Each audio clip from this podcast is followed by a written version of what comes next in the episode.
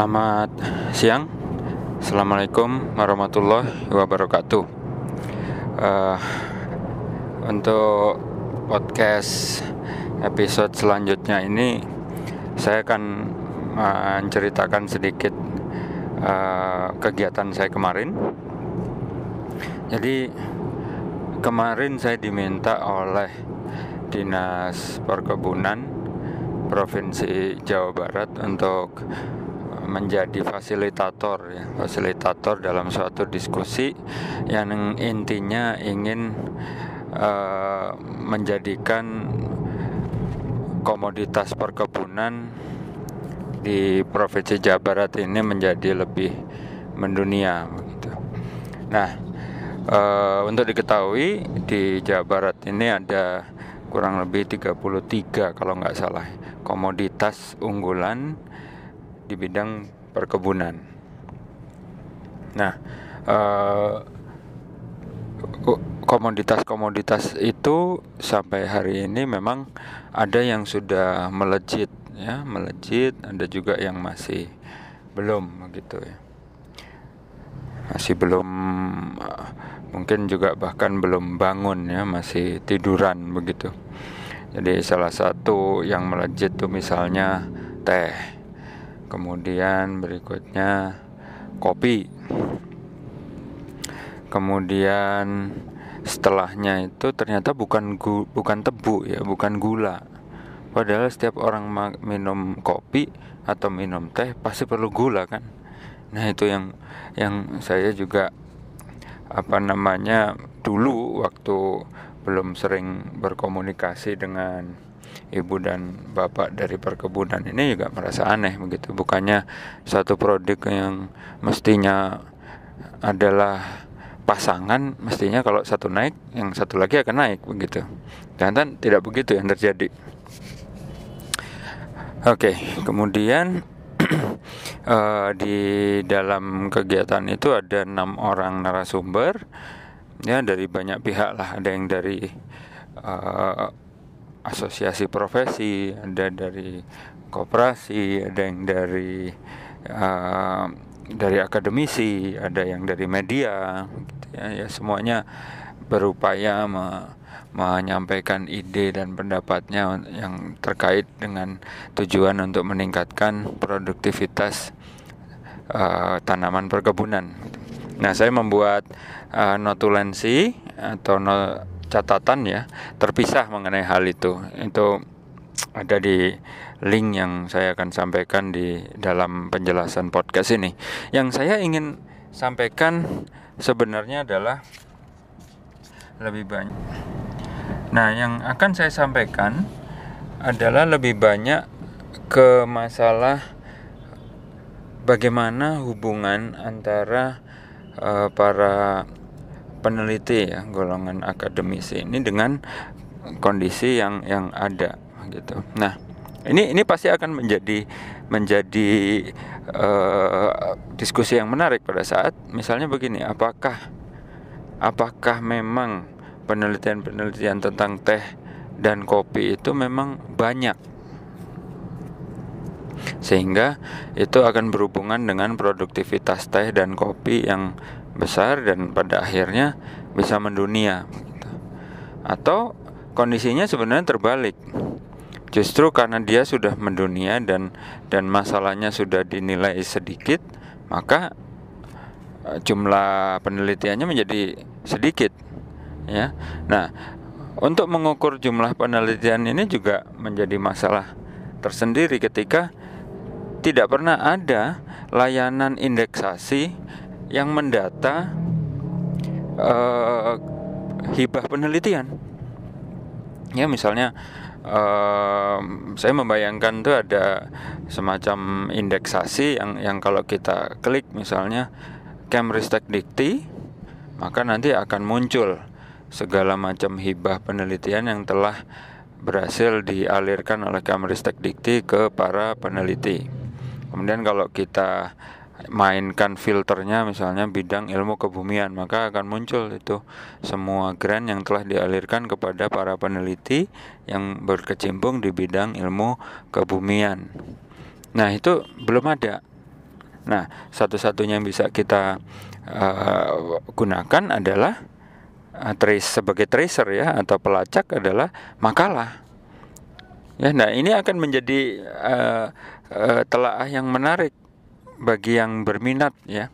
Ini bisa jadi satu S2 atau bahkan mungkin S3 sendiri untuk menelaah ini apakah ada hubungan antara peningkatan produktivitas komoditas perkebunan dengan uh, intensitas penelitian di di bidang itu di yang meneliti tentang komoditas itu. Nah, itu bisa jadi penelitian sendiri itu.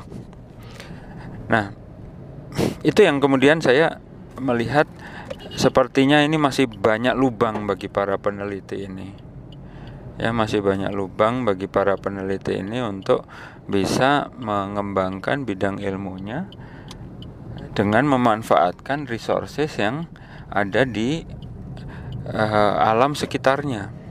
Nah, salah satu narasumber ini dengan dengan yakin ya, dengan dengan percaya diri ini ada yang menyampaikan bahwa kelapa itu jadi buah kelapa itu yang di dalam di kepala kita biasanya hanya terkait dengan apa kopra ya arang mungkin terus mungkin kelapa sawit begitu ya atau virgin coconut oil ya VCO tapi ternyata oleh si narasumber ini berhasil didata ada turunan kurang lebih 1600 produk dari kelapa sendiri ya jadi ini menurut saya satu satu hal yang sangat fantastis begitu Nah, sekarang apakah intensitas penelitian di bidang kelapa ini juga sedemikian tinggi begitu? Karena jelas di di masyarakat ya dalam hal ini di pemangku kepentingan, contoh Dinas Perkebunan ini sangat perlu ide-ide baru itu ya komoditas ini itu perlu diapakan untuk meningkatkan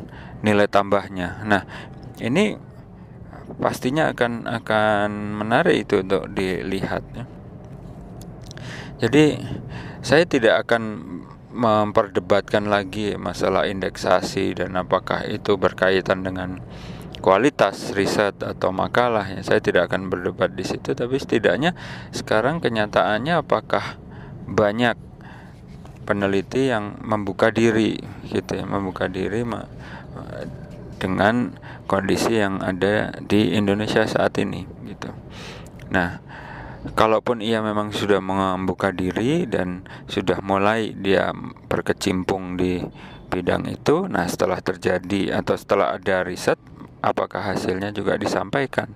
Nah ini adalah fenomena-fenomena yang menarik untuk ditelaah ini itu. Ya tentunya tidak bisa satu orang atau satu kelompok ahli gitu memecahkan masalah se Indonesia memang itu sangat mustahil. Ya contoh misalnya bidang saya. Bidang saya air tanah.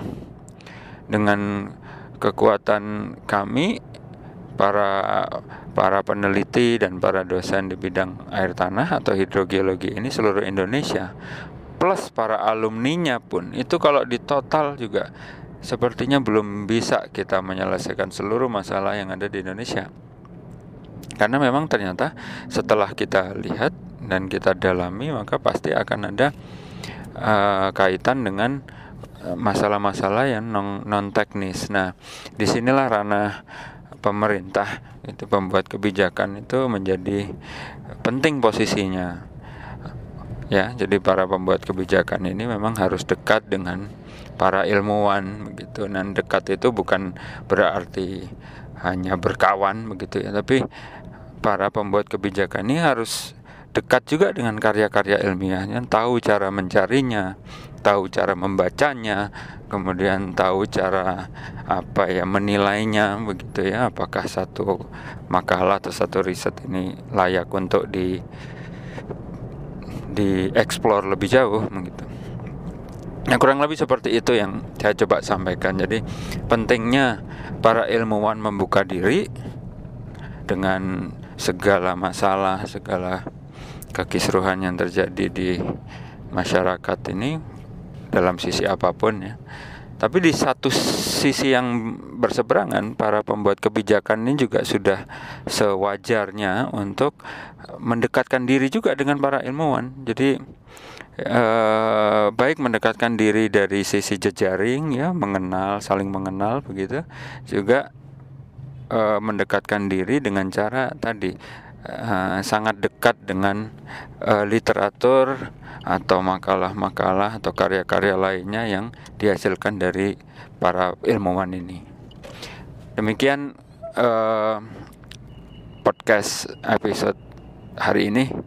Semoga bisa lebih membuka wawasan dan terutama juga wawasan saya sendiri karena pada dasarnya saya pada saat ingin membagikan sesuatu di situ juga saya belajar ya belajar merenung apakah hal yang sama juga sudah terjadi di bidang saya di riset-riset saya sendiri begitu jadi semoga ini menjadi manfaat untuk semua dan mendapatkan pahala yang berlipat ganda. Terima kasih sudah mendengarkan. Selamat siang. Assalamualaikum warahmatullahi wabarakatuh.